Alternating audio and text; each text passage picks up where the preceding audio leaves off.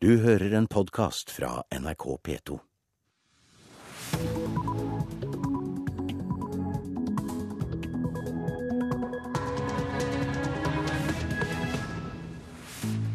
Riktig god morgen. Klokken den er 6.30. Velkommen til Nyhetsmorgen. Her i studio, Turi Grønbekk. I dag skal det bl.a. handle om at køen for å få bolig er lang for mange flyktninger. Nå sier KS at asylmottak kan være med på å skape problemet. Flere og flere unge ber om hjelp til å takle angst og depresjoner via nettjeneste. Vi prøver å gi håp, sier Arne Kjær i Mental Helse. For når du sliter og har gjort det kanskje over en lengre periode, så kan det røyne på i forhold til dette håpet. Så det prøver vi på så godt vi kan. Og regjeringen har gitt Holocaust-senteret i oppdrag å grave frem hva som egentlig skjedde med norske rom under andre verdenskrig. Norske kommuner må kunne nekte å etablere asylmottak. Det sier kommunenes interesseorganisasjon KS, som mener nye mottak ødelegger for flyktninger som trenger et sted å bo. Moss kommune er bedt om å ta imot 40 flyktninger neste år, men sier kun ja til halvparten. De handler først og fremst om at boligmarkedet i Moss er sprengt i utgangspunktet. Bl.a. fordi vi har et stort desentralisert asylmottak som ligger i Moss, som i dag har rundt 170 personer boende, som har fått ny kontrakt med UDI og opsjon på å øke dette til over 200. Tage Pettersen er ordfører i Moss, som tidligere har tatt imot mange flyktninger. Nå må kommunen altså bremse. Såkalte desentraliserte mottak leier boliger til asylsøkerne de samme leilighetene kommunen jakter på til flyktninger som skal bo og integreres. Ja, Vi konkurrerer om de samme leilighetene, og det bidrar i hvert fall til å gjøre det vanskeligere for Moss kommune å bosette flere flyktninger enn det vi klarer. Over 5000 flyktninger står i kø for å få flytte til en kommune. Mange kommuner som sier nei, eller vil ta imot færre enn staten ber om, oppgir nettopp boligmangel som årsak som Skien og Stjørdal, som også har tatt imot det antallet de har blitt bedt om, men som nå enten halverer eller har satt vedtaket på vent fordi boligsituasjonen er kritisk. Sier styreleder Gunn-Marit Helgesen i KS. Det er Utlendingsdirektoratet, UDI, som styrer etableringen av asylmottak. Helgesen mener de er med på å presse opp prisene. Det vi ser er at eh, det er eh, problematisk mange steder å skaffe bolig.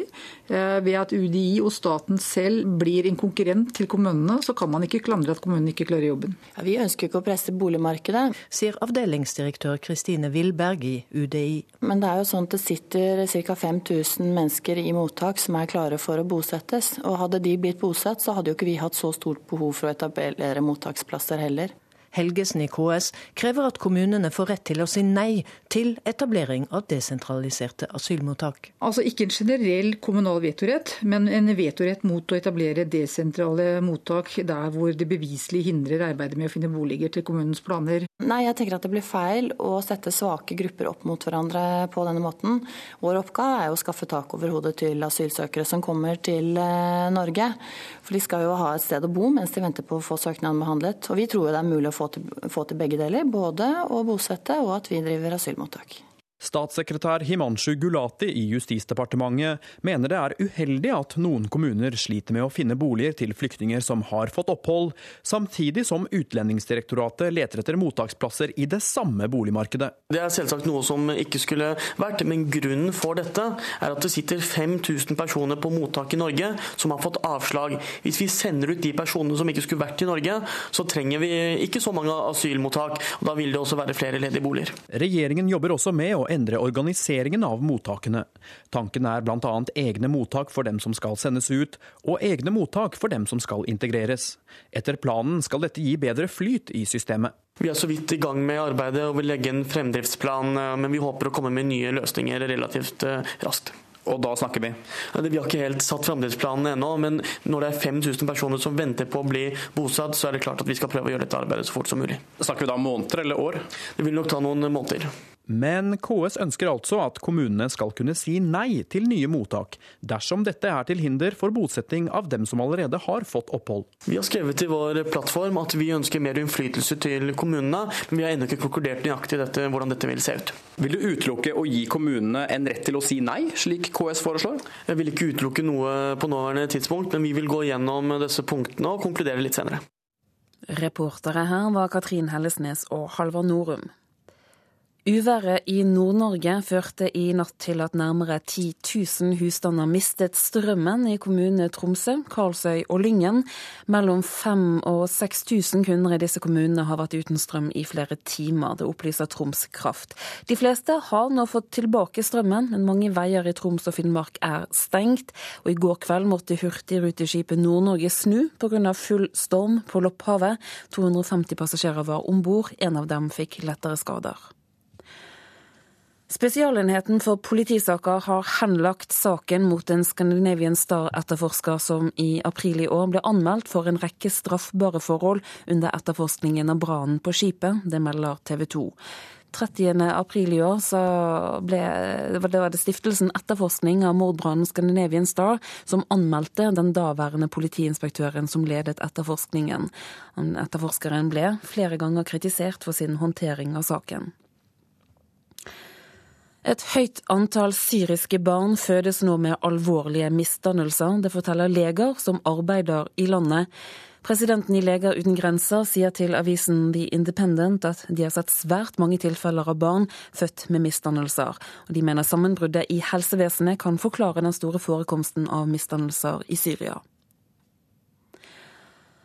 Kåre Valebrokk var en eneveldig redaktør som kunne være snill og myk, eller direkte og nesten brutal. Stålneven kunne komme plutselig og nådeløst.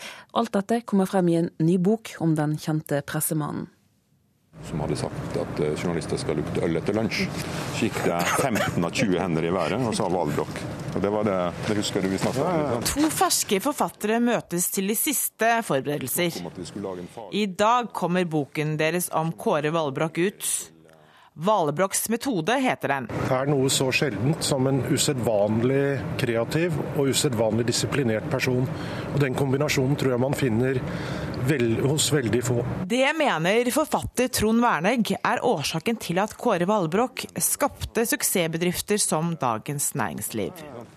Dessuten var han En uh, utprega kaospilot.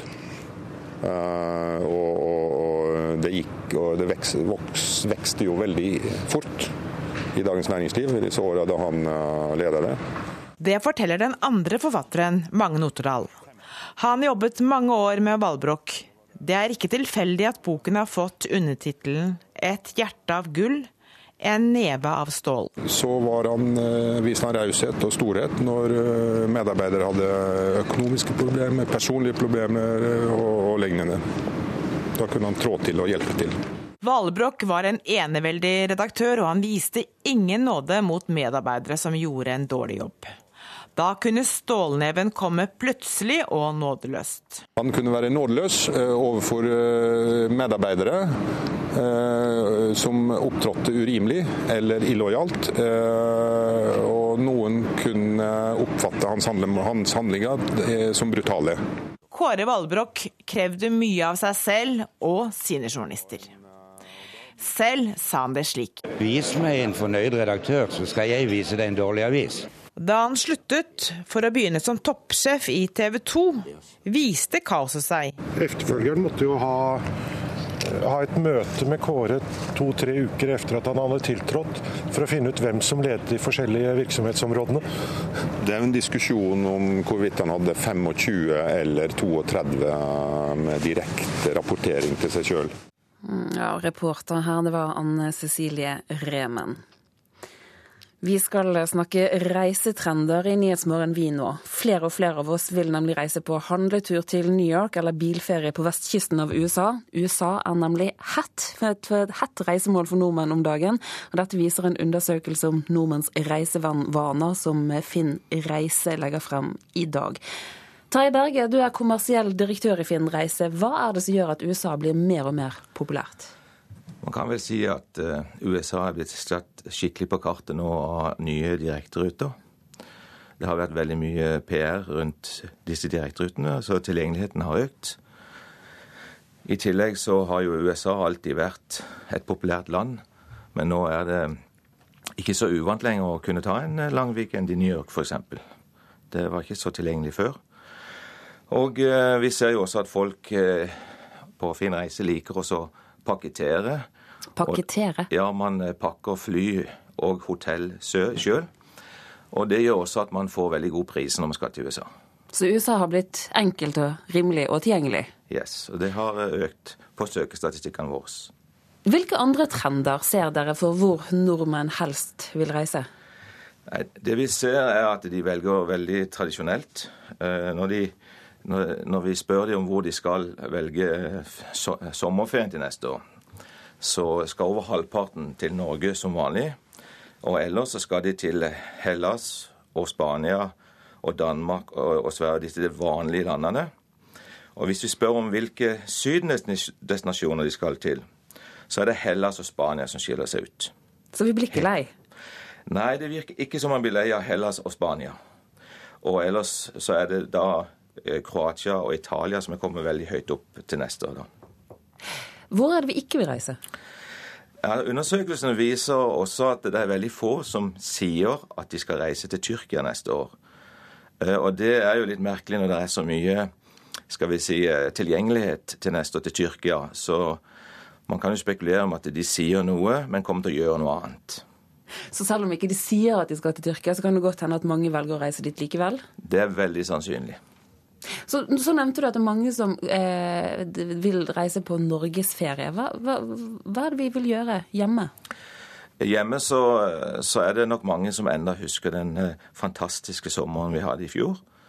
Uh, ellers er vi jo veldig tradisjonelle når vi er i Norge. Det er jo mange som har uh, uh, hytter. De skal sette opp sine egne bilturer, er jo populært. Så det er disse vanlige sommeraktivitetene til nordmenn. Og de håper jo på at det blir en god sommer. Men samtidig så vet vi at det er veldig mange som ikke tror at det blir to gode sommer på rad. Det, det er været som har veldig mye å si for reiselivet. Og så høres det ut som vi er relativt tradisjonelle. Undersøkelsen vår viser helt klart at vi er veldig tradisjonelle, og at vi, vi gjør mye av det samme. Vi vet f.eks. at nå i januar så er det veldig mange som bestiller feriehus f.eks. til Danmark til neste år. Danmark er et av de hotteste landene der på feriehus. Men over halvparten bestiller allerede i januar. Og det gjør de hvert år. De vet, de vet, de vet nøyaktig hva de vil ha og hvor de skal. Du, Vi har glemt å snakke om én ting helt til slutt. Storbyer. Hvor er det vi skal? Eh, undersøkelsen på finn.no viser jo at eh, det er de tradisjonelle, som sagt New York, London, Barcelona og Roma som, som, folk skal til. Det de sier de skal til. Og vi ser også det på søkemønster på Finn. Men eh, det vi også ser, er at eh, det er en del nye trendy eh, byer som kommer. F.eks. Manchester og Berlin. Og I tillegg så ser vi at det er en del østeuropeiske byer som er kommet høyt opp på lista, som ikke har vært der før. For eksempel? Da har du Gdansk, du har Praha og Krakow, og kanskje Budapest. Vi må si takk for at du var med oss i Nyhetsmorgen, Terje Berget, som altså er kommersiell direktør i Finn Reise. Og vi skal nemlig se nærmere på dagens avisforsider har ikke oversikt over psykisk syke i norske fengsler. Det er hovedoppslaget i Adresseavisen i dag. Helsemyndighetene vet ikke hvem de er, eller hvor mange de er. Avisen har snakket med en 33-åring med panikkangst og depresjoner som måtte vente halvannet år før han fikk snakke med psykolog. Vi kommer ut som tikkende bomber, sier han til avisen. SVs Karin Andersen er på forsiden av Vårt Land og sier at regjeringspartiene må slutte å spre holdninger om at trygdede har vondt i viljen. Mange unge føler skam, og det gjør det vanskeligere for dem å komme ut i jobb, mener hun. Fire av fem demente får ikke diagnosen. Det er en av toppsakene i Aftenposten. Forskere er overrasket og sier at mange med demens dermed ikke får den nødvendige behandlingen og hjelpen de trenger. Nett, banker, butikk. Det er overskriften i Dagens Næringsliv. Det handler om at nettbutikkene kan melde om en voldsom omsetning nå før jul. Så godt som alle rød-grønne statssekretærer og politiske rådgivere jobber nå med PR eller offentlig forvaltning, skriver Finansavisen. Holocaust-senteret skal grave i hva som skjedde med norske rom under den andre verdenskrigen. Dette skjer på oppdrag fra regjeringen, det står på forsiden av Dagsavisen, og du får mer om dette om litt her i Nyhetsmorgen. Søknader om å skyte rovdyr skal nå behandles raskere, innen tre dager. Det lover miljøvernministeren. Målet er færre skadde sauer, skriver Nasjonen.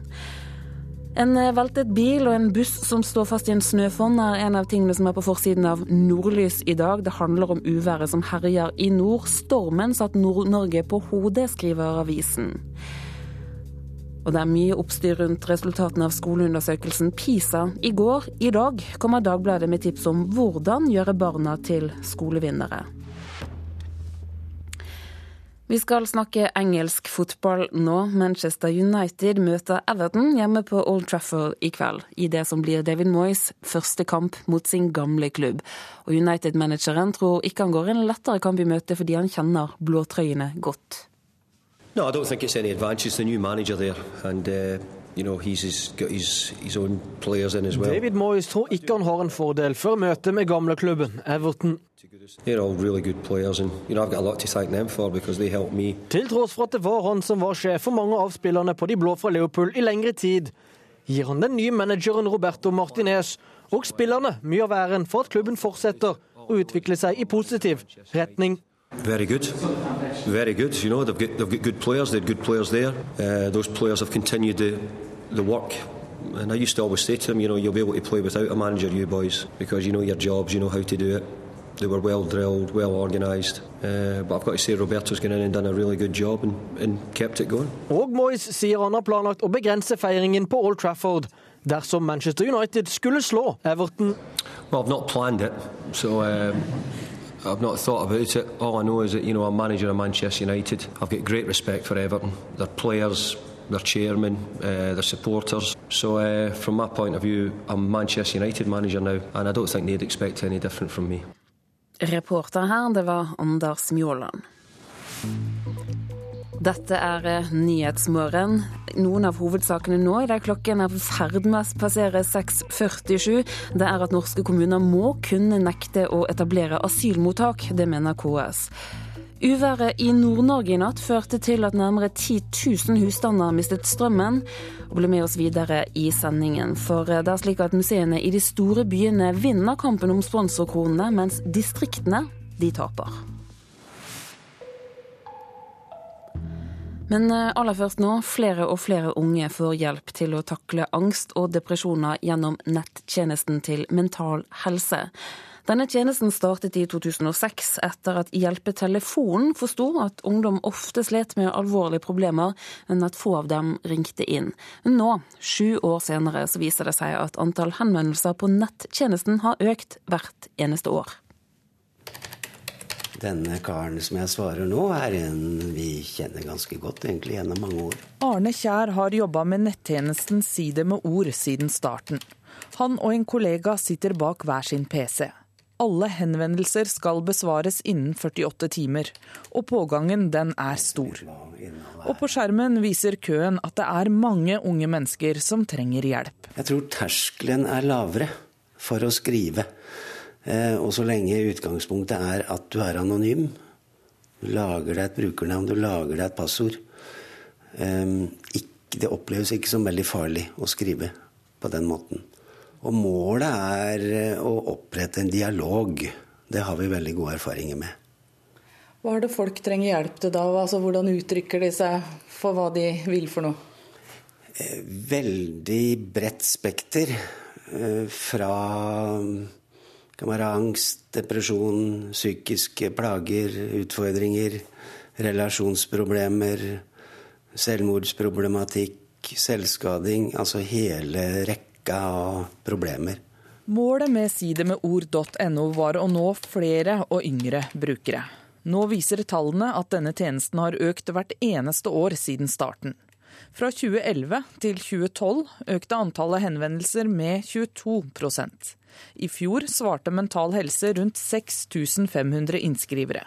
De fleste av dem mellom 13 og 30 år.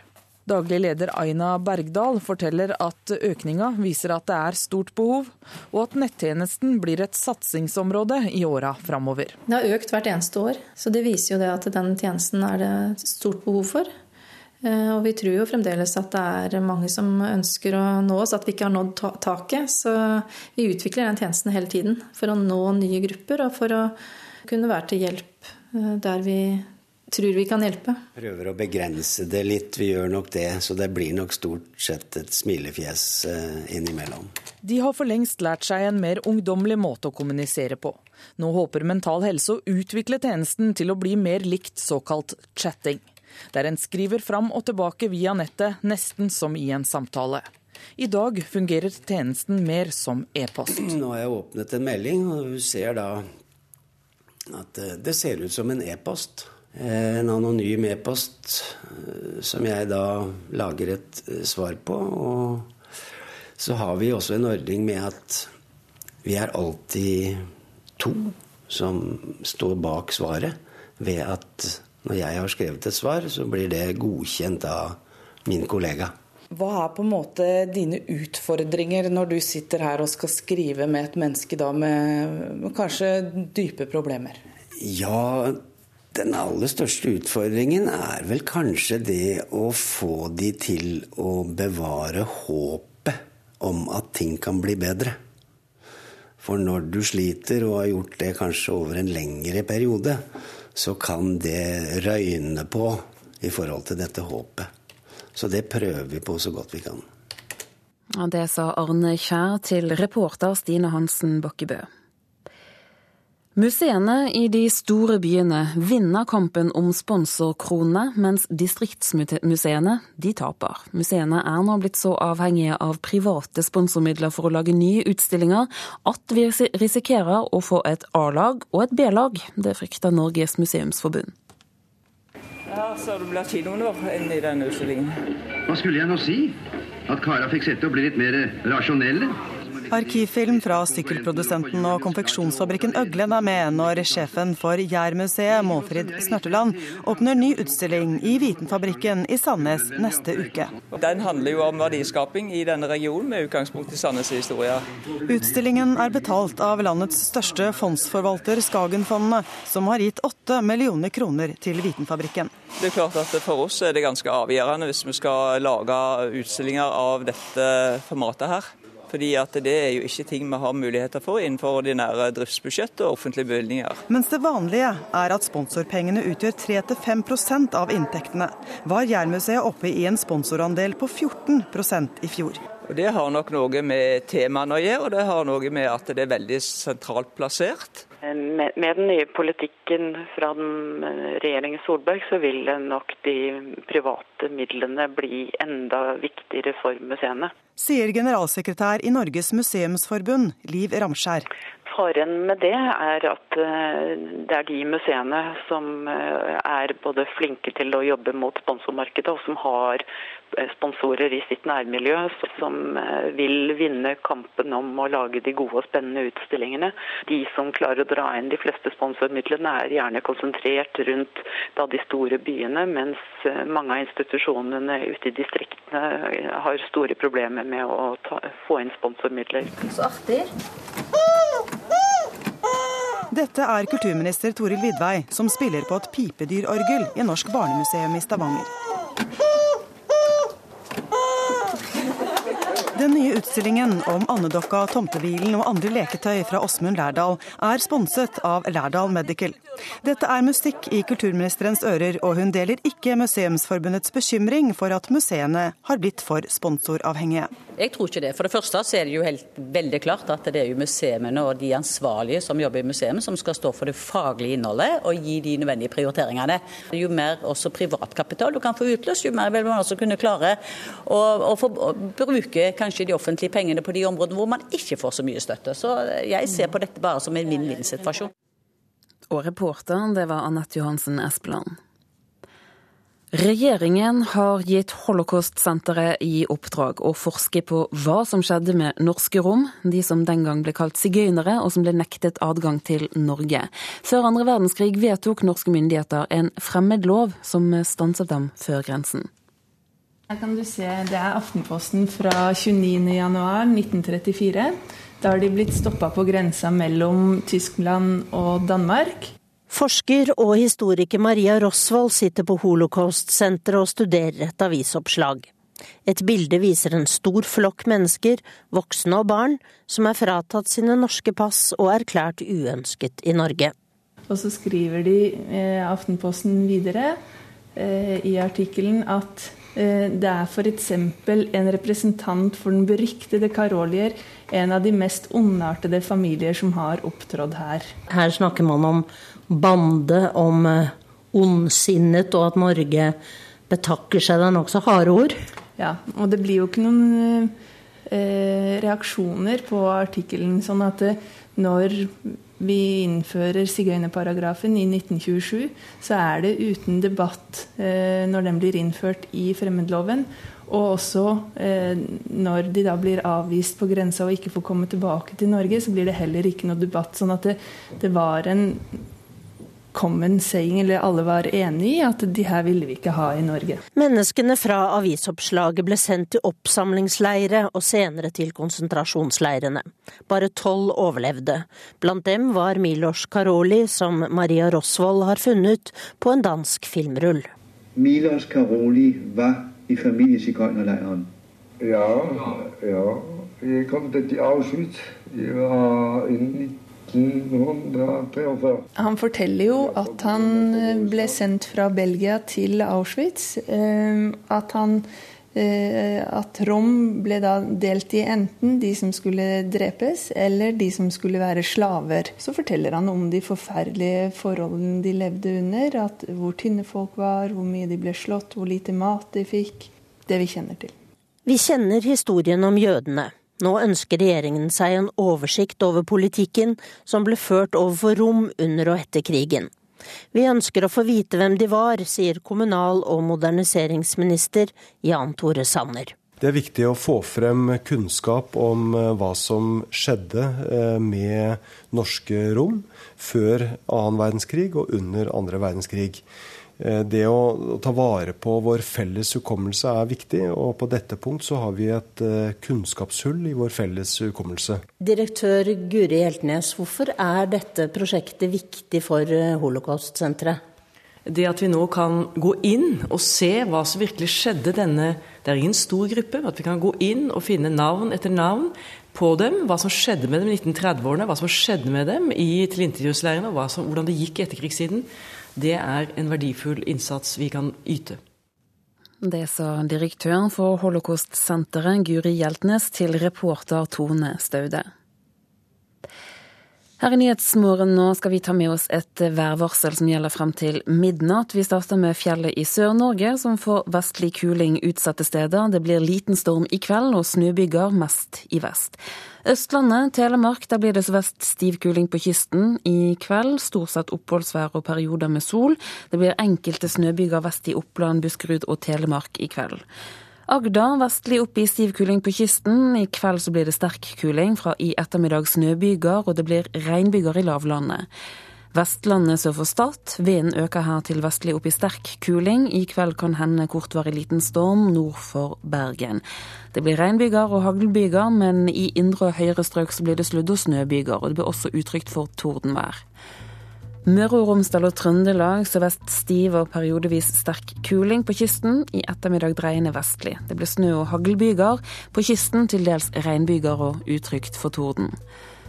Nordland sørvest periodevis liten kuling på kysten. I ettermiddag sterk kuling sør for Sandnessjøen. I kveld stiv kuling i Lofoten og snøbyger.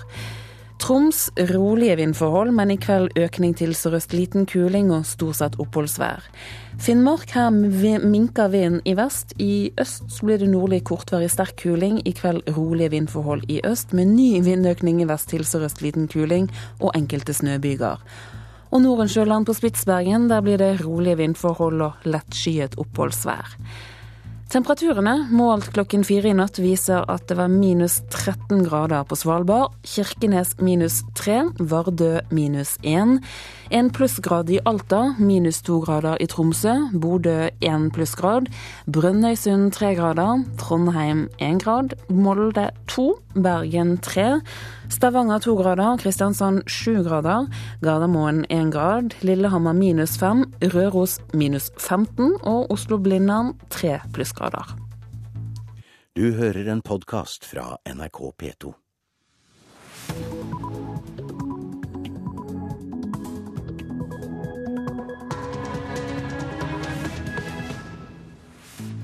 Og du lytter til Nyhetsmorgen. Vi fortsetter nå i P2 og Alltid nyheter, bl.a. med en sak om norske elever som kun oppnår middelmådige resultater i lesing og matte. Men norske voksne de er helt i toppsjiktet. Det blir mer om dette straks i Nyhetsmorgen. Først skal det handle om svart arbeid, for skatteetaten varsler nå en stor offensiv. Etter nyttår skal de kreve personallister på serveringssteder, hos frisører, skjønnhetspleiere og bilverksteder. Og for å sjekke at det jobbes lovlig, så varsler skattedirektør Hans Christian Holte 5000 kontroller. 5000 kontroller krever en god del ressurser, så her kommer flere hundre av ansatte i skatteetaten og bidrar til disse kontrollene. Men det er fordi vi tror på en eh, god effekt av å sette inn kontroller tidlig for å få dette tiltaket i full effekt.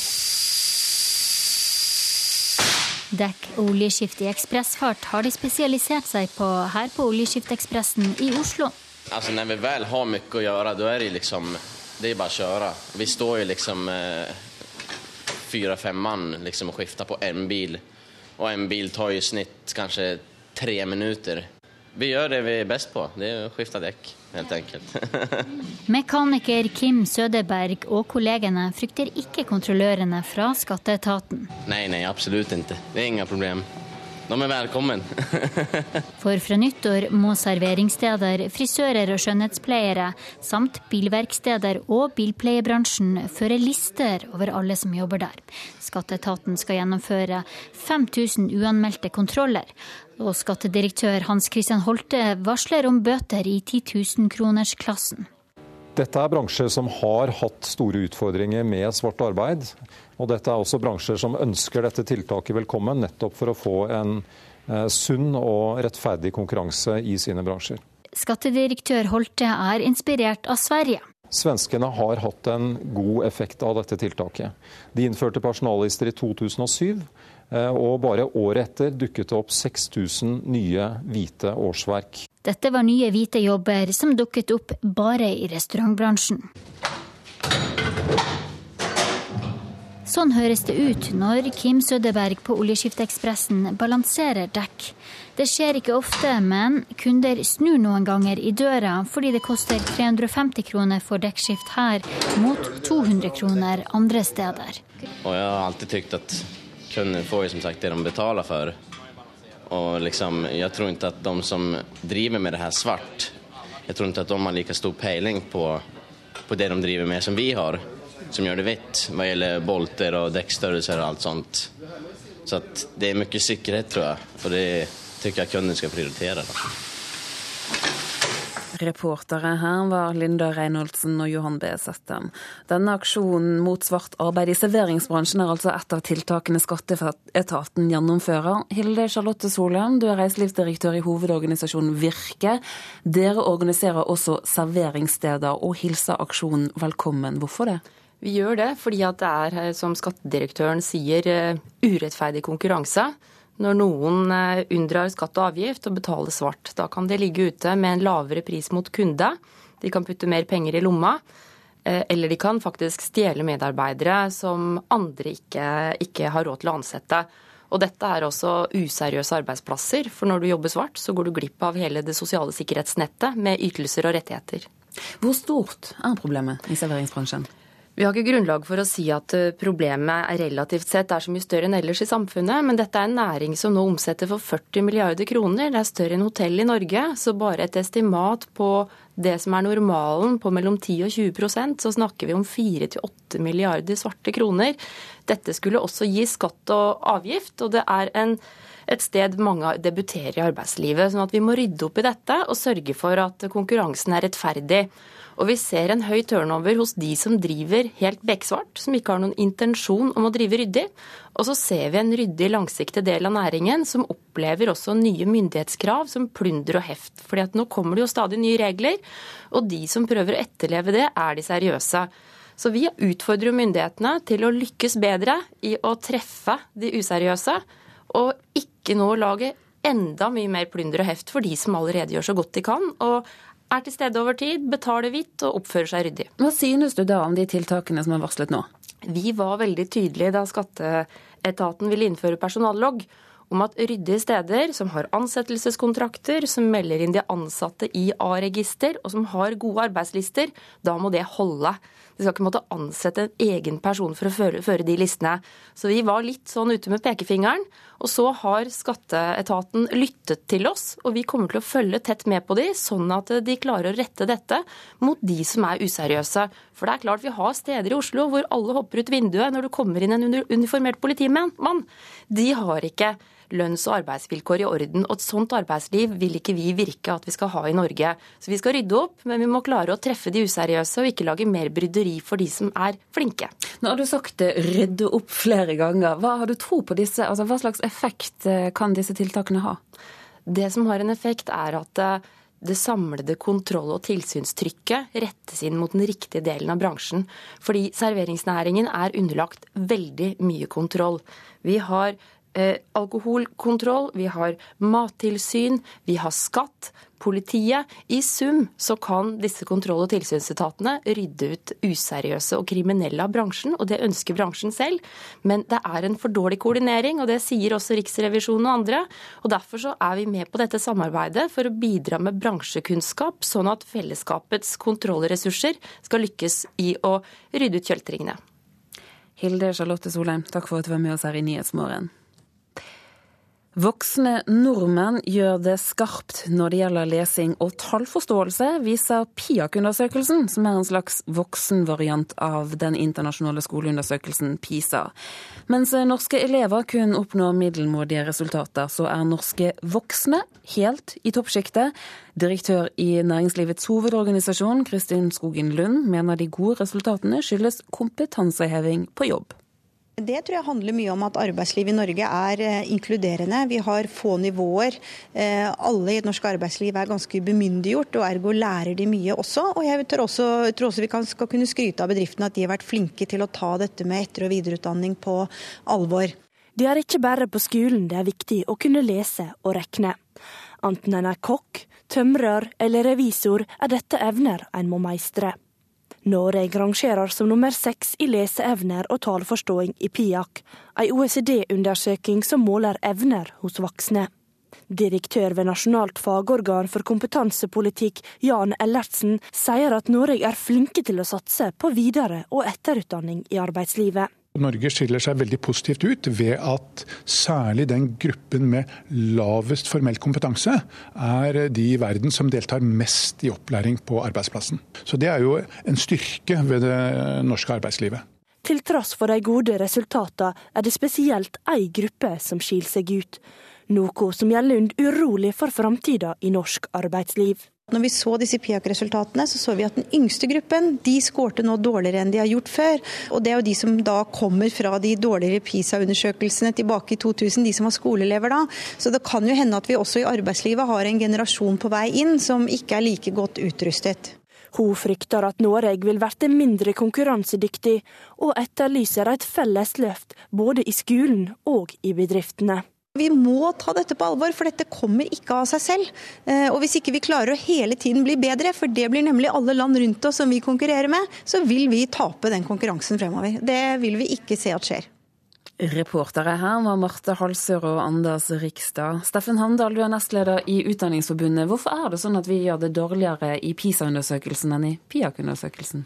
Ja, Det er vanskelig å lete etter sånne årsak-virkning-forhold. Og jeg har lyst til å ja, dempe denne kritikken litt. Vi scorer på gjennomsnittet og stabilt, sånn at det er ikke så dramatisk som eh, kanskje Skogen Lund skal ha det til her.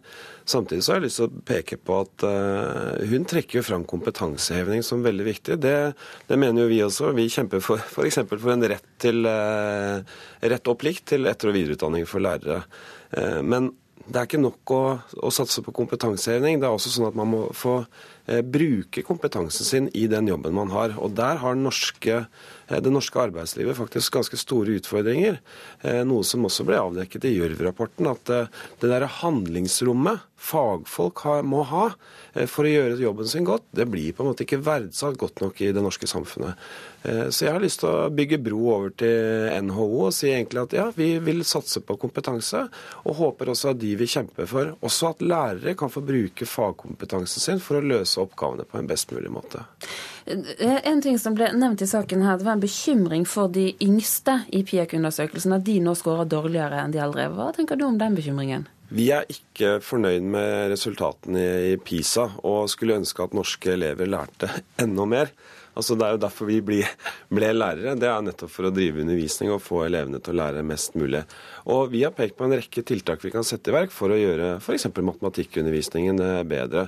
Så der tror jeg at eh, vi har en felles utfordring sammen med arbeidslivet. Men jeg har lyst til å si også til Skogen Lund at eh, noe av denne bekymringen som arbeidslivet har for liksom, den oppvoksende generasjonen, den har vi hørt før.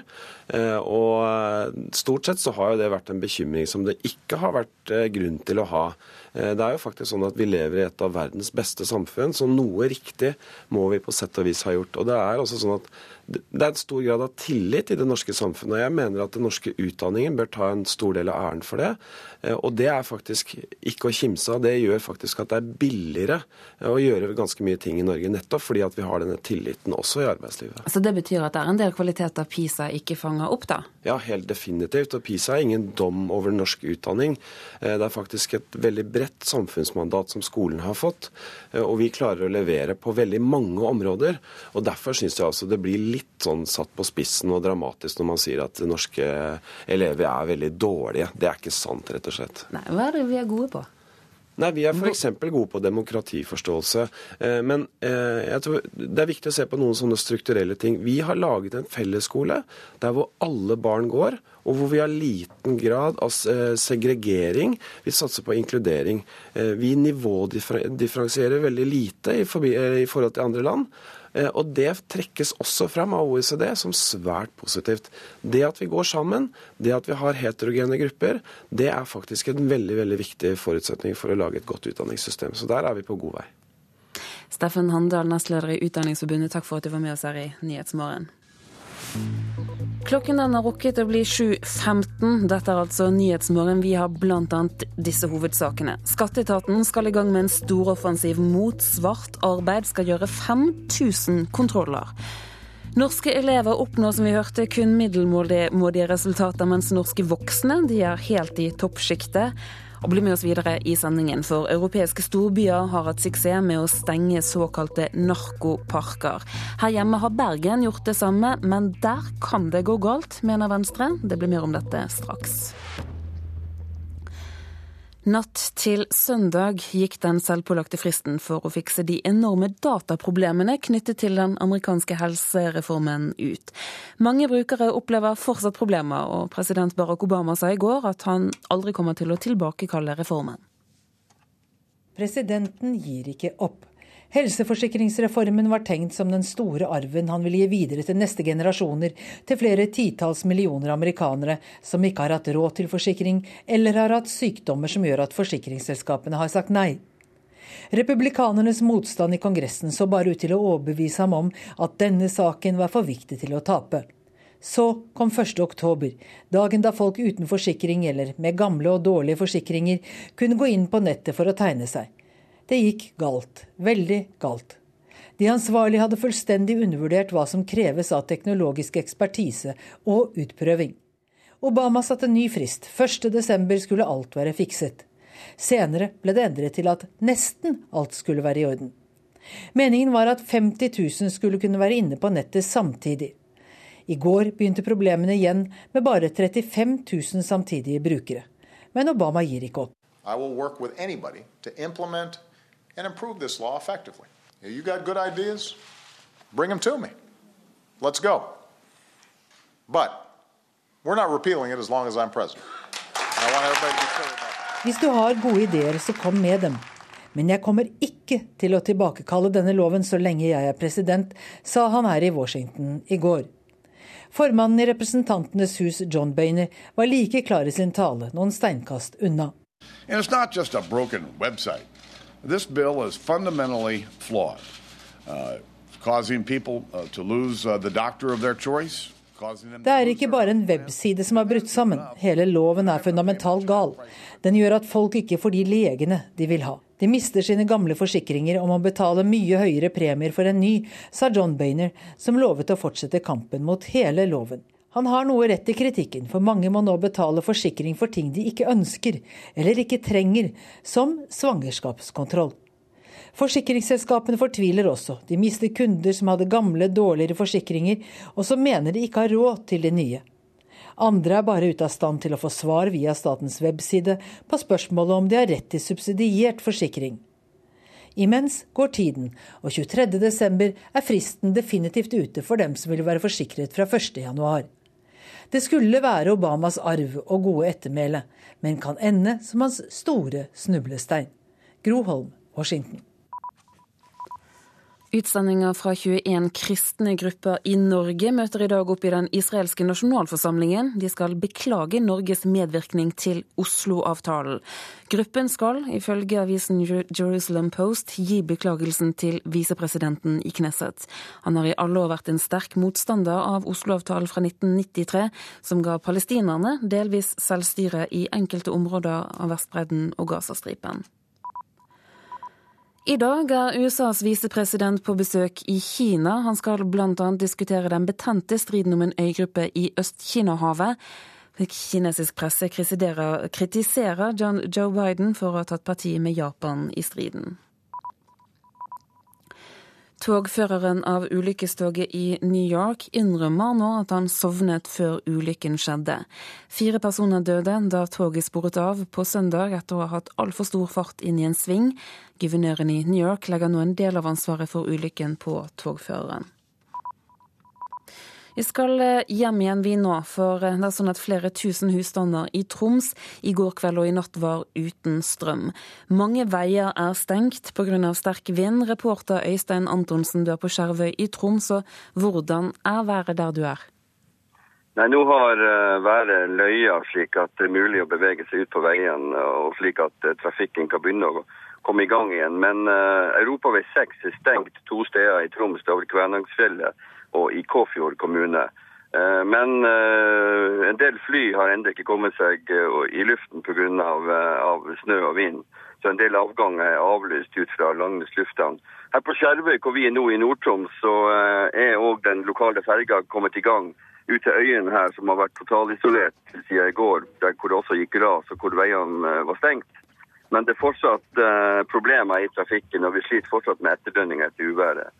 Uh, det som skjedde i går, var jo at hurtig, to av de store hurtigrutene måtte um, innstille anløpene av flere anløpssteder og, og, søke nødhavn. Og på Lopphavet mellom, mellom Sørøy og Skjervøy var sjøen og vinden så grov at kapteinen måtte anmode passasjerene om å legge seg på døsken, for de kunne bli skada for at båten heiv seg på seg. Og Da snakker vi om Hurtigruteskipet Nord-Norge, som ble norgeskjent. Uh, i eh, den TV-serien som gikk for to år siden, Hurtigruta, minutt for minutt.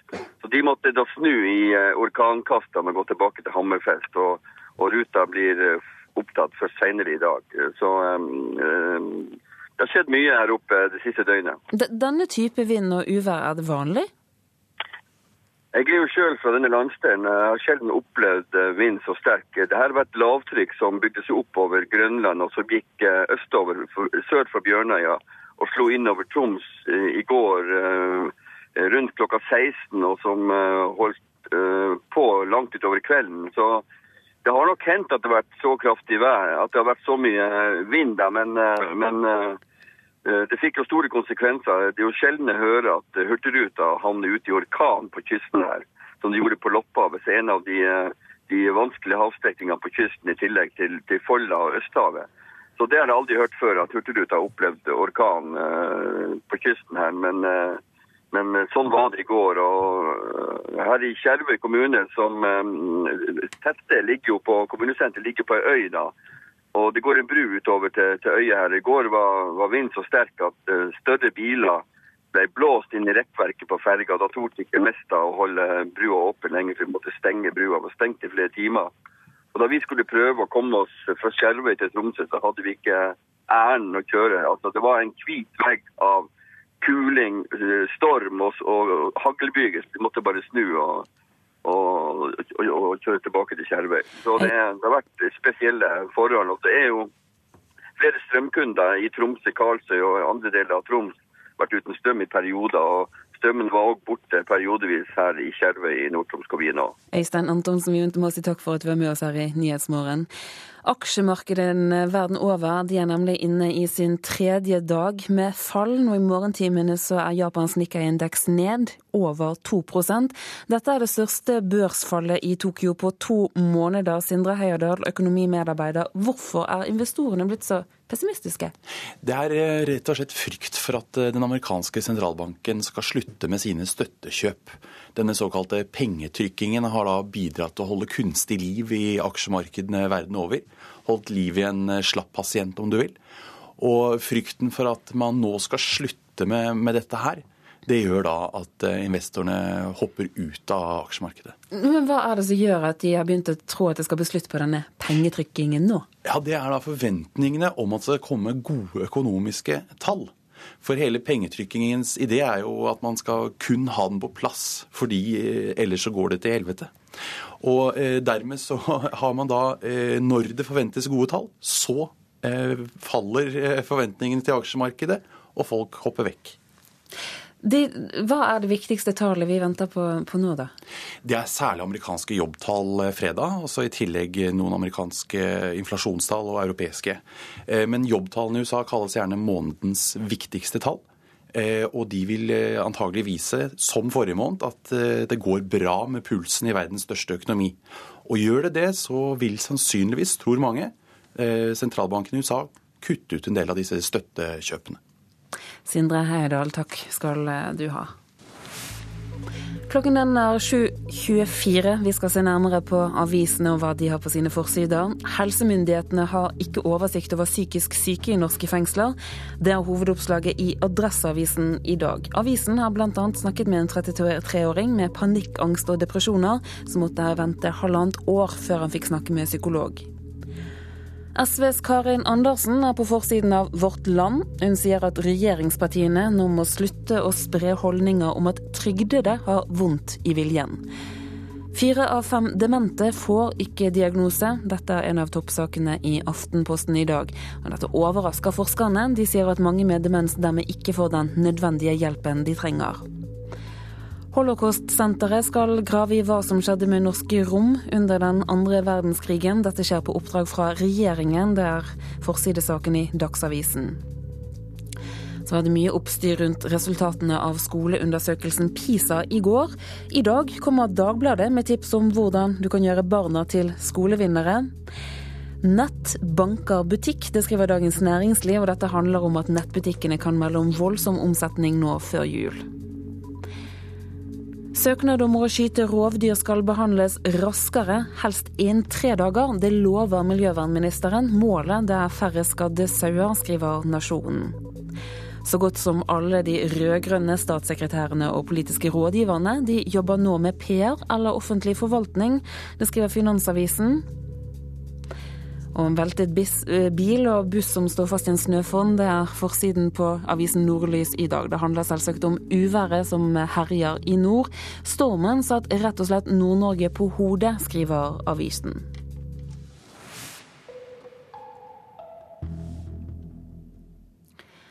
En rekke europeiske storbyer har hatt suksess med å stenge sine såkalte narkoparker. Men måten det har skjedd på i Bergen gjør at det kan gå veldig galt der. Det mener partiet Venstre.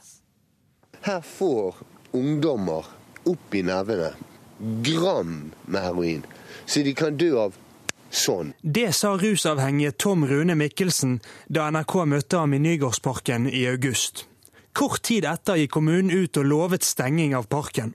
Erfaringen fra andre europeiske byer viser at det kan være rett strategi. Alle disse byene beskriver at befolkningen er langt mer fornøyd, og at de opplever rusproblemene som langt mindre.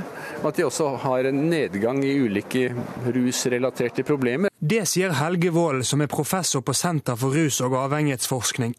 På gårsdagens ruskonferanse i Bergen fortalte han om erfaringene fra bl.a. Amsterdam, Lisboa, Zürich, Wien og Frankfurt.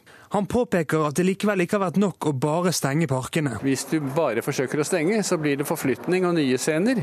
Men hvis du, klarer, hvis du er systematisk nok, så kan du også få en, en vellykket stengning sammen med bedre hjelp til hver enkelt bruker. I flere av byene var kontroversielle tiltak som åpning av sprøyterom og heroinassistert behandling til de narkomane viktige hjelpetiltak. Hvis vi ser til disse byene, så ser vi òg at Bergen mangler en god del av de tiltakene de innførte. Det sier gruppeleder for Venstre i bystyret, Erlend Horn. Jeg er redd for at, eh, at det vil bli mer spredte russcener rundt omkring i byen, eller en ny stor russcene, så vi er nødt til å gjøre samme eh, greien en gang til. Men sosialbyråd Dag Inge Ulstein fra KrF vil ikke ha sprøyterom, selv etter at Nygårdsparken er stengt. Utgangspunktet vårt er rett og slett at vi tror at eh, det ikke vil gi den hjelpa som en ser. Vi er nødt til å gå i retning av en skadereduserende tilnærming eh, som redder liv, som setter verdighet i fokus, istedenfor utdaterte dogmer om hvordan vi tror verden henger sammen. Ja, Det mener altså sosialbyråden i Bergen, og reporter her det var Kasper Knutsen. Analyseinstituttet TNS Gallup har investert i utstyr som skal registrere norske TV-seeres hjerneaktivitet. Målet med dette er å finne ut hvordan folk reagerer på TV-reklame. Utstyret er av samme type som sykehus bruker når de skal teste om pasienter har epilepsi. Hjerneforsker Johan Fredrik Storm ved Universitetet i Oslo sier at han er skeptisk til slike undersøkelser. Til Dagens Næringsliv sier han at slike metoder kan virke både invaderende og krenkende. Og Du lytter til Nyhetsmorgen i NRK P2 og Alltid nyheter. Vi er straks klare med Dagsnytt og siste nytt derfra. Det er Vidar Eidhammer som produserer Nyhetsmorgen i dag. Her i studio Turi Grønbekk, og så minner vi om at dersom du har tips eller kommentarer, så skriv gjerne til oss. E-postadressen vår det er nyhetsmorgen, krøllalfa, nrk.no.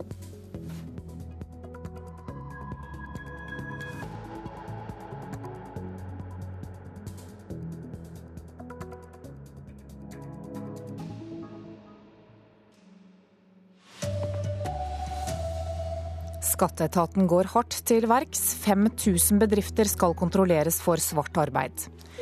Voksne nordmenn er helt i tet når det gjelder lesing og tallforståelse.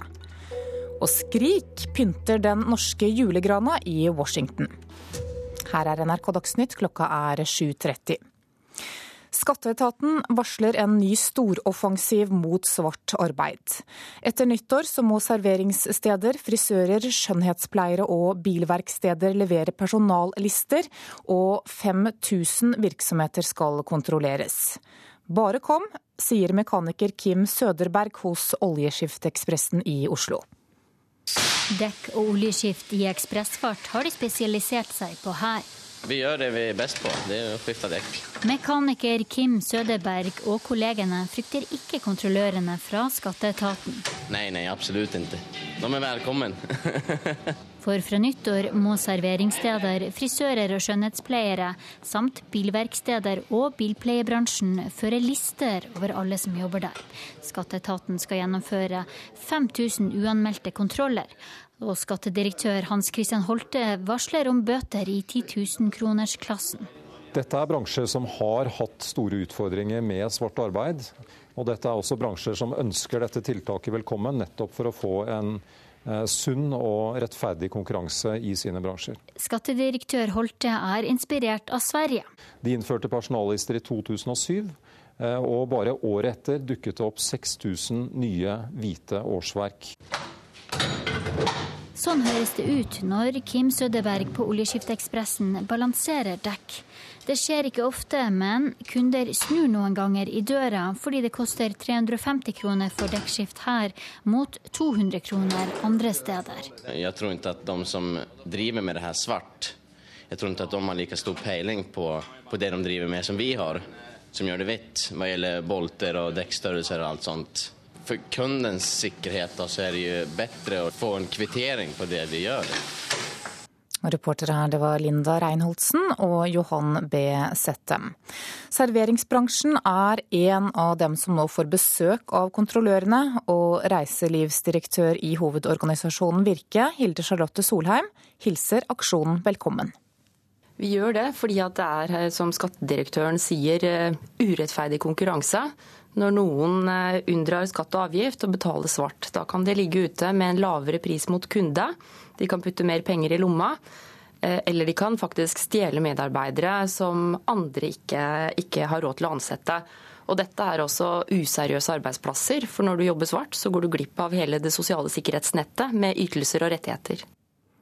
Voksne nordmenn er svært gode på både lesing og tallforståelse. Det viser PIAK-undersøkelsen, som er en slags voksenvariant av PISA. Mens norske 15-åringer bare ligger sånn midt på treet, så er vi voksne helt i toppsjiktet. Direktør i NHO, Kristin Skogen Lund, tror det er flere grunner til at vi gjør det så bra. Det tror jeg handler mye om at arbeidslivet i Norge er eh, inkluderende. Vi har få nivåer. Eh, alle i et norsk arbeidsliv er ganske bemyndiggjort, og ergo lærer de mye også. Og jeg tror også, tror også vi kan, skal kunne skryte av bedriftene at de har vært flinke til å ta dette med etter- og videreutdanning på alvor. Det er ikke bare på skolen det er viktig å kunne lese og regne. Enten en er kokk, tømrer eller revisor, er dette evner en må meistre. Norge rangerer som nummer seks i leseevner og taleforståing i PIAK, ei OECD-undersøking som måler evner hos voksne. Direktør ved Nasjonalt fagorgan for kompetansepolitikk, Jan Ellertsen, sier at Norge er flinke til å satse på videre- og etterutdanning i arbeidslivet. Norge skiller seg veldig positivt ut ved at særlig den gruppen med lavest formell kompetanse er de i verden som deltar mest i opplæring på arbeidsplassen. Til tross for de gode resultatene er det spesielt ei gruppe, de yngste i arbeidslivet, som skiller seg ut. De under 25 år skårer nemlig lågere enn voksenbefolkninga under ett, noe som gjør Lund urolig for framtida så ser vi at den innkommende generasjonen ikke scorer like bra. Så vi må ta dette på alvor, for dette kommer ikke av seg selv.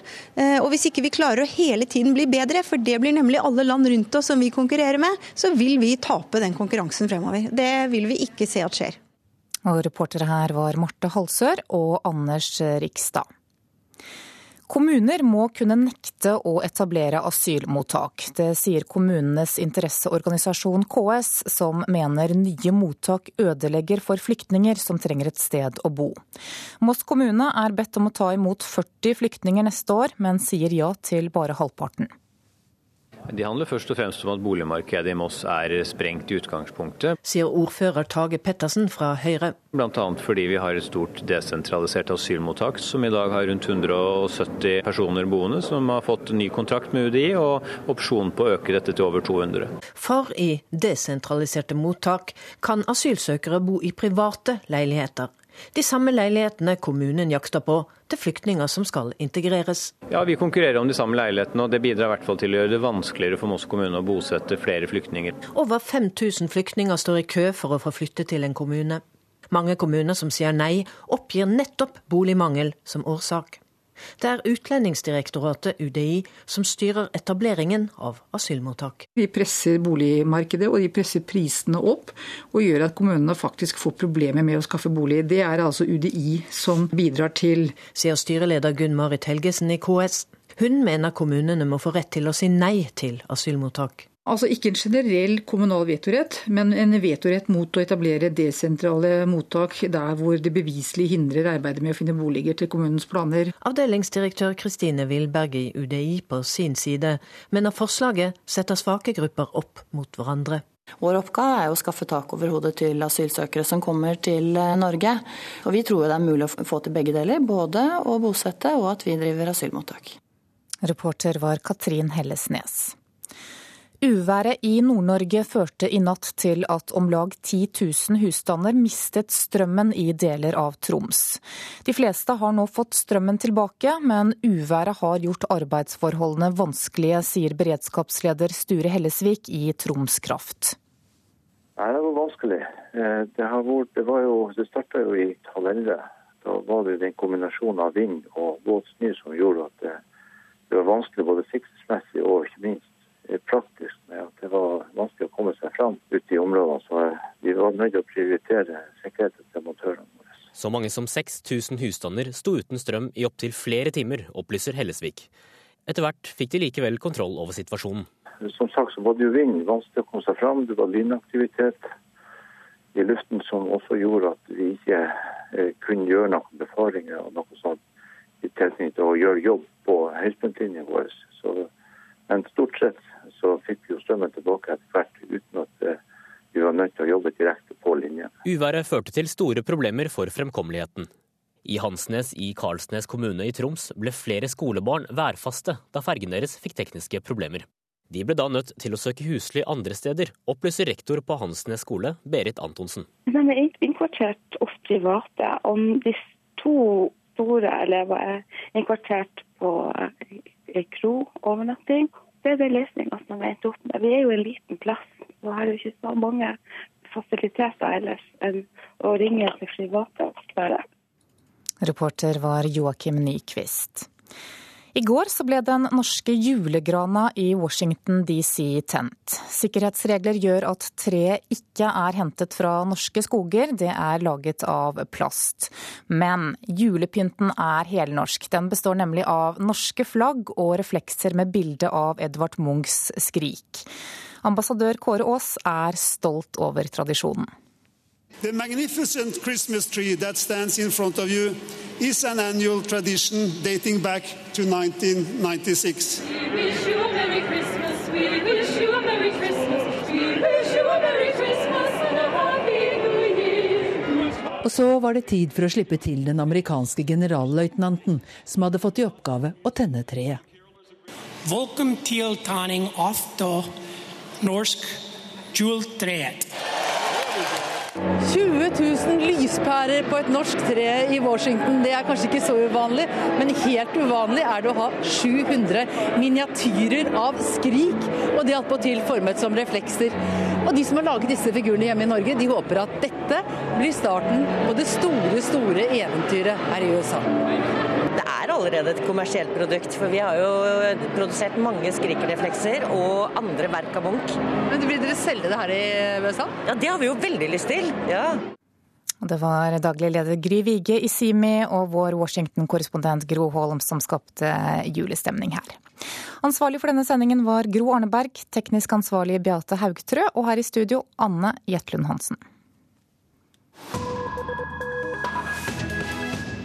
Her i Nyhetsmorgen skal vi nå til Den sentralafrikanske republikk. For situasjonen der er ventet å dominere det fransk-afrikanske toppmøtet i Paris i slutten av denne uken.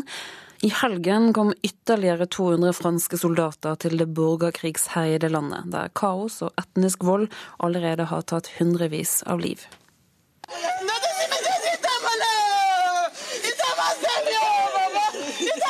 Hun gret på grava til mannen sin, som var drepen da Seleka-krigere storma landsbyen.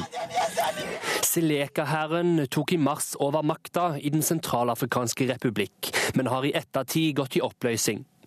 Nå jakter de på sitt eget folk. De voldtar, dreper og plyndrer.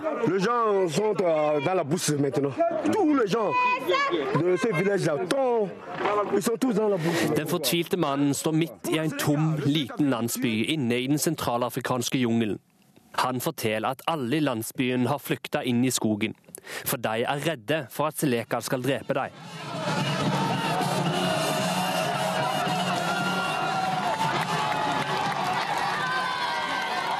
I mars sto jubelen i taket da Michel Jodotia kunne marsjere gatelangs i hovedstaden etter å ha utført et statskupp i Den sentralafrikanske republikk. Den gang var han leder for opprørshæren Seleka, og nå er han innsett som president i landet. Men etter hvert som tida har gått, har ikke Jodotia klart å tilfredsstille sine egne menn som nå har starta å plyndre folket. La solution immédiate, c'est de chasser les Steleka. Les Steleka sont des mercenaires, sont des assassins. Ils tuent les femmes, les enfants, les hommes. Ils, c'est, c'est, c'est, ils tuent d'une manière Den umiddelbare løsninga er å jage Seleka. De er krigere og bødler som dreper menn, kvinner og barn. Og de tror alle rundt dem er kristne krigere, forteller læreren Jean Gaspar Feidangai. For i Den sentralafrikanske republikk har muslimene i Seleka-hæren gått til angrep på kristne, og væpna kristne menn har gjort det motsatte. I Vesten snakker en om at et folkemord med religiøse motsetninger er på trappene. Landet står på randa av et folkemord, sier Frankrikes utenriksminister Laurent Fabius, før han legger ut om hvor ille det faktisk står til i landet. Vous avez sur 5 millions d'habitants 7 chirurgiens. Total kaos. Bare sju kirurger i landet. Barnedødsfall på 25 nokre steder. Halvannen million har ikke noe som helst. Laura Fabius ramser opp. Men denne veka ville ikke den tidligere kolonimakta sitte og se på lenger. Tusen franske soldater blir nå gjort klare for å reise til Den sentralafrikanske republikk, i tillegg til de 400 soldatene som allerede er der. Jeg tror dette i første omgang fra Frankrikes side er snakk om en operasjon for å stabilisere hovedstaden og prøve å også få kontrollen over noen av de viktigste veiene inn og ut fra hovedstaden. Og Det vil være et lite, men dog viktig bidrag. Det sier NUPI-forsker og afrikakjenner Morten Bøås. Han mener løsninga på problemene i Den sentralafrikanske republikk må komme innenfra. Jeg har vanskelig å se for meg at det vil bli en internasjonal styrke som i seg selv er stor nok til å pasifisere dette landet og til å skape den form for folkelig trygghet som må til. Det må først og fremst også satses her på politiske løsninger og på å begynne å bygge den sentralafrikanske staten, egentlig for første gang. Ja, Det sa til slutt forsker ved Norsk utenrikspolitisk institutt, Morten Bøås. Reporter her, det var Vegard Kjørom.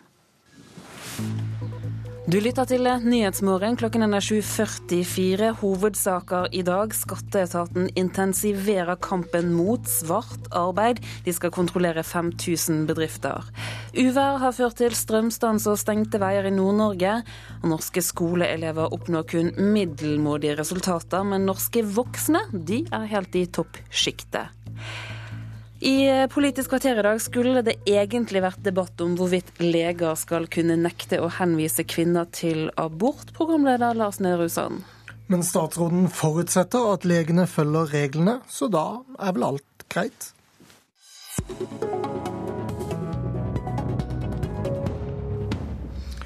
Hensynet til kvinner i en sårbar situasjon, hensynet til leger som vil følge egen overbevisning og samvittighet, det skal handle om når dette er på kollisjonskurs. Og hvilke konsekvenser det skal få for leger som privatpraktiserer en reservasjonsrett som ennå ikke er innført. Helseministeren er debattredd, sier SV-lederen til Dagbladet i dag. De to møtes nå i hvert fall veldig snart i Politisk kvarter. Men først til deg, Petter Skau, du er fylkeslege i Oslo og Akershus. Det er du som er Helsetilsynets forlengede arm i vårt mest befolkningstette område. Er det mange leger som praktiserer denne reservasjonsretten på egen hånd? Ja, Det vet vi jo lite om. Dette er jo møter i et lukket rom mellom to mennesker, men eh, vi har ikke mange klager på det. Nei, Men hvordan skal man klare å finne ut av det faktiske antallet, da? Nei, Det tror jeg ikke er mulig å finne ut av egentlig hvordan eh, kvinner i en slik vanskelig situasjon opplever møtet med, med legen sin. Eh, vi eh, tar tak i de meldingene vi får. Og er det mange? Nei, vi har bare hatt et par meldinger om, om det. Vi forventer at leger opptrer etisk og profesjonelt. og Det betyr at man skal behandle alle pasienter likt, uavhengig av eh, politisk ståsted, kjønn, eh, det være seg eh, egen overbevisning. Man skal ikke drive en slags sånn egenfortolkning av lovverket. Vi ser nok av og til at leger har en lei tendens i mange henseender til å bruke helselovene så langt det rekker, så langt det passer. Men det er klart at eh, så lenge det er en plikt for legene å, å hjelpe disse videre i systemet, så forutsetter vi at de gjør det. Men det at det er få klager eller meldinger, som du sier, det, betyr det at problemet er lite, eller betyr det at mørketallene er store? Nei, Jeg tror ikke problemet er helt lite. Jeg har jobbet med den samme problemstillingen i mange år på sykehus sykehus, og vi hadde også der leger som, som ikke opptrådde etisk i alle henseender. Det er viktig å ha klare regler i, i dette. Dette er kvinner som ikke kommer og klager etterpå. De, de skyver det bort, akkurat som de ofte skyver bort den vanskelige avgjørelsen. Man skal drive Man skal ikke flytte sin egen ideologi og moralbegreper over på pasienten. Man skal heller ikke som lege lage barrierer som gjør det vanskeligere. For oss betyr det mest at man har ryddige og gode forhold, hva enten man uh, lovmessig bestemmer seg for det ene eller det andre. Men hvis det nå er flere enn man tror som privatpraktiserer, hva kan en helseminister med sine virkemidler gjøre for å forsikre seg om at ingen bryter disse retningslinjene? Som Nei, skal gjelde for Altså, helseministeren kan selvfølgelig bruke lovverket. Eh, vi som eh, helsetilsyn og fylkesmann vi er satt til å passe på at eh, legene følger det til enhver tid gjeldende, gjeldende lovverk. Det er for meg mest, jeg er mest opptatt av at man får her helt ryddige og gode, gode forhold, slik at pasienter vet hvem man går til. Eh, man vet holdningen og samfunnet og, vet hva legene står for. Så får andre bestemme hva som skal skje med reservasjonsrett osv. Altså, viktig er at lovverket faktisk eh, sier at man behøver ikke å gå til legen sin. Man kan gå rett til sykehus. og Sykehuset har etter dagens lovverk en plikt til å ta imot pasientene uten eh, opphold. Så her er det mange muligheter, men det betyr ikke at ikke legene skal oppføre seg i tråd med norsk lov. Takk så langt. Du skal slippe å debattere med politikerne, men eh, vær med videre i sendingen. Bent Høie, helseminister fra Høyre, velkommen. Du forventer at legene følger reglene. Hva betyr det? Nei, Det betyr enkelt og greit at eh, det er ingen reservasjonsrett eh, i Norge for fastleger. Det kommer heller aldri til å bli noen reservasjonsrett i Norge for fastleger.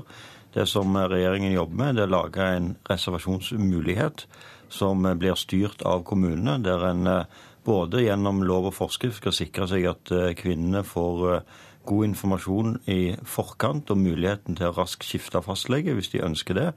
Men òg eh, at det er alltid et godt alternativ i nærheten umiddelbart for de som eventuelt da oppdager på legekontoret at fastlegen har reservert seg. Men det er en situasjon som vi gjennom det nye regelverket i størst mulig grad skal unngå eh, oppstår.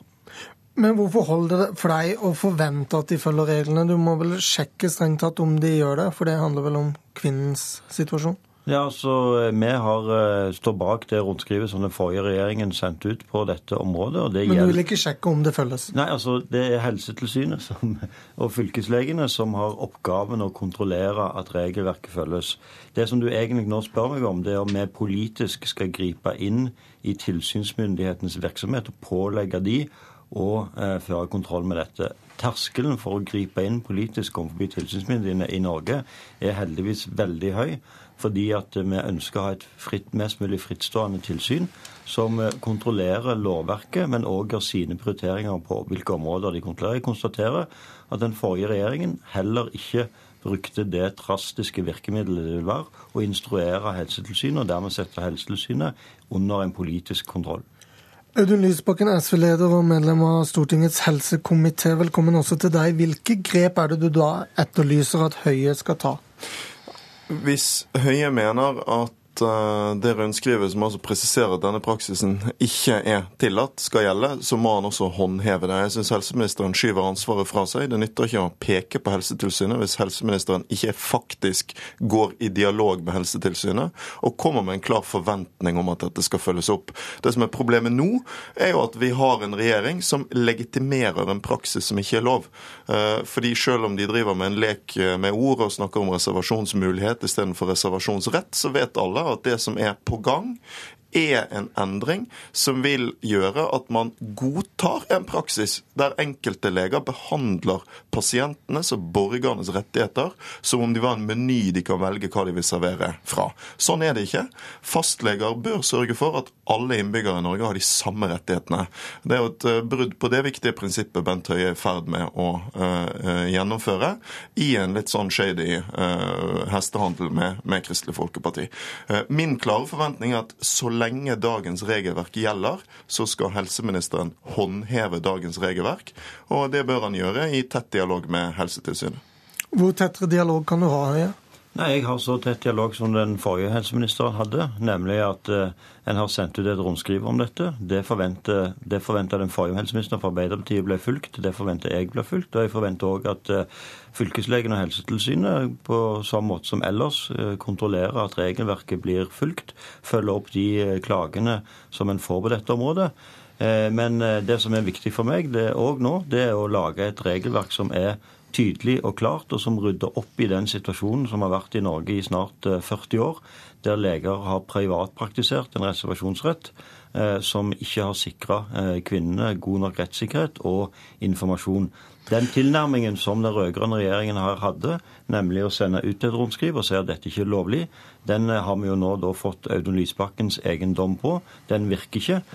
Og det jeg tror, det er at den ordningen vi skal innføre, den vil virke. Den vil eh, balansere disse forholdene. Ikke minst så vil den gi norske kvinner en betydelig styrkning både når det gjelder informasjon og rettssikkerhet i forhold til det som har vært uh, så lenge abortloven har vært i Norge. Men, men, hvilket ansvar uh, er størst for deg? Er det pasientenes ansvar for å klage når reglene brytes, eller er det ditt ansvar for å kontrollere at reglene følges?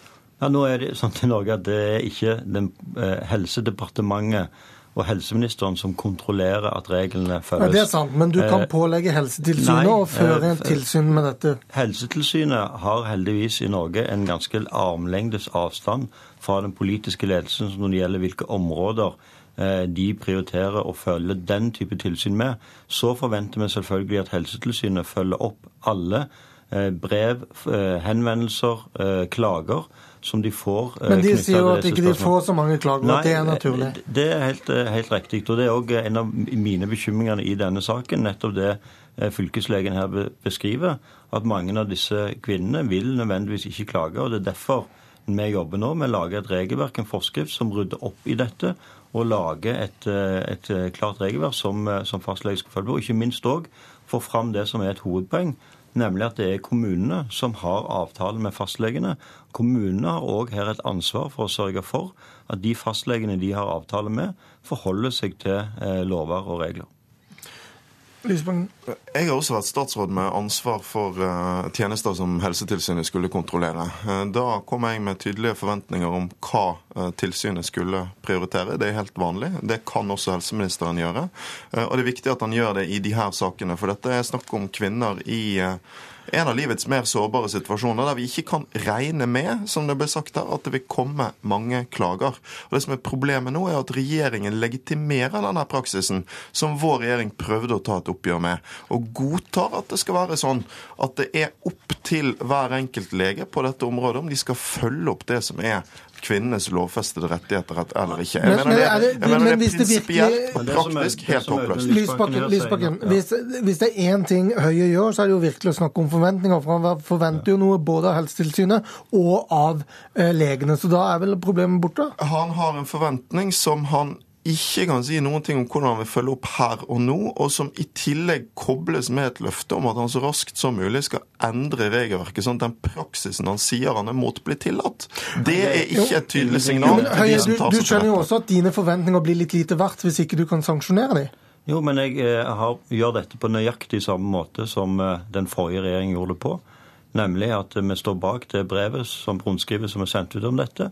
Vi forventer at kommunene som avtalepartner følger dette opp, og vi forventer at Helsetilsynet og fylkeslegene følger opp. Og så ikke minst forventer vi at eh, legene eh, forholder seg eh, til rundskrivet og til det norske lovverket. Men i motsetning til den forrige regjeringen, som bare gjorde dette, så jobber vi nå med en eh, lovproposisjon, en høring, som skal rydde opp i dette og skape et eh, regelverk som eh, det blir bedre å forholde seg til, og som ikke minst styrker kvinnenes rett til informasjon og alternativ oppfølging, og, og sørger for at informasjonen om det som fylkeslegen òg her trakk fram, nemlig at det er ikke nødvendig å gå til, nei, til fastlegen sin hvis den ønsker abort. abort. Den kan òg henvende seg direkte til sykehuset.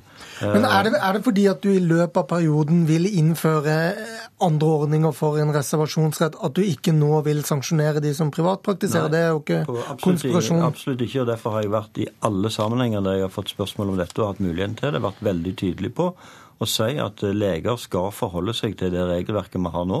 Men når ikke det får noen konsekvenser, så er jo ikke nei, det du det, det Jeg håper det får konsekvenser. I de sakene der fylkeslegen griper inn, så skal dette få konsekvenser. Men når det er så mange mørketall, så vil det jo være noen som det ikke får konsekvenser ja, og for. Derfor er det viktig å få et regelverk her som rydder opp i dette, eh, og ikke at vi har en situasjon videre der det er uklarhet eh, om, om dette. Og det er ikke riktig at eh, denne regjeringen har som hensikt å innføre et regelverk som innebærer en privatpraktiserende reservasjonsrett. Vi skal innføre en strengt regulert mulighet som ikke minst sørger for at det alltid er et godt alternativ til stede, og at pasientene får mm. god informasjon og har muligheten til å bytte fastlege hvis de er tildelt en fastlege som benytter seg av reservasjonsmulighet. Lysbakken, En mulig løsning er at leger som reserverer seg, må sende brev til alle sine, eller hele sin pasientliste.